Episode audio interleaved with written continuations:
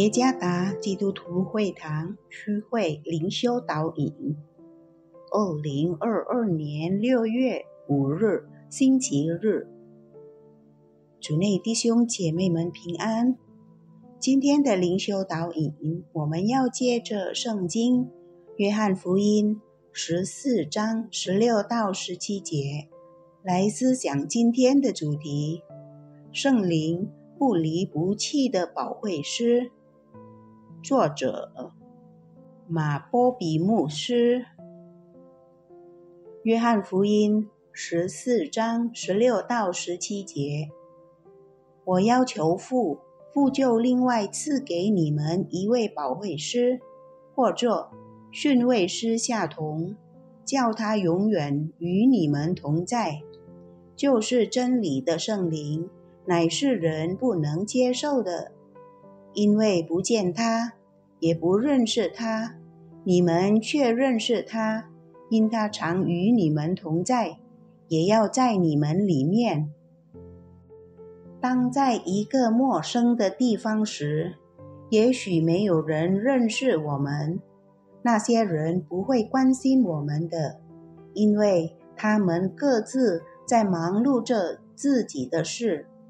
但是，当这位认识及关系密切的位格与我们在一起时，他将会关注、帮助和衷心的陪伴着我们。我所提起的位格就是圣灵。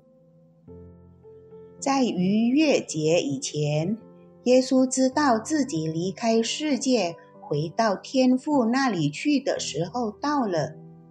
耶稣很疼爱他的门徒们，因此在聚餐见面的时候，耶稣告诉他们许多的真理。他提醒、警告犹大和彼得，同时赐给众门徒新的命令，乃是叫他们要彼此相爱。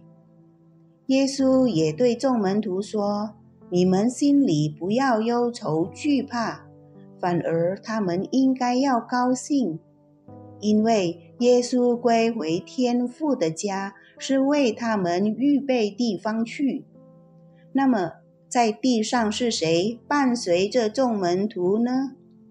耶稣应许会赐给他们一位保惠师，永远与他们同在。那位保惠师就是圣灵。耶稣的忠告今天仍旧适用于我们。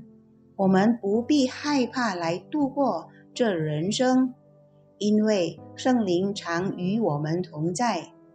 圣灵将按照他的旨意和时间，帮助我们来面对生活中沉重的挣扎。当感到绝望时，我们会想起耶稣永不离开我们的应许，我们能够靠着圣灵的能力来度过这艰难的生活。我们不要害怕和担忧，相反的，要坚定不移的相信圣灵常与我们同在，常同在和从不离开我们的位格。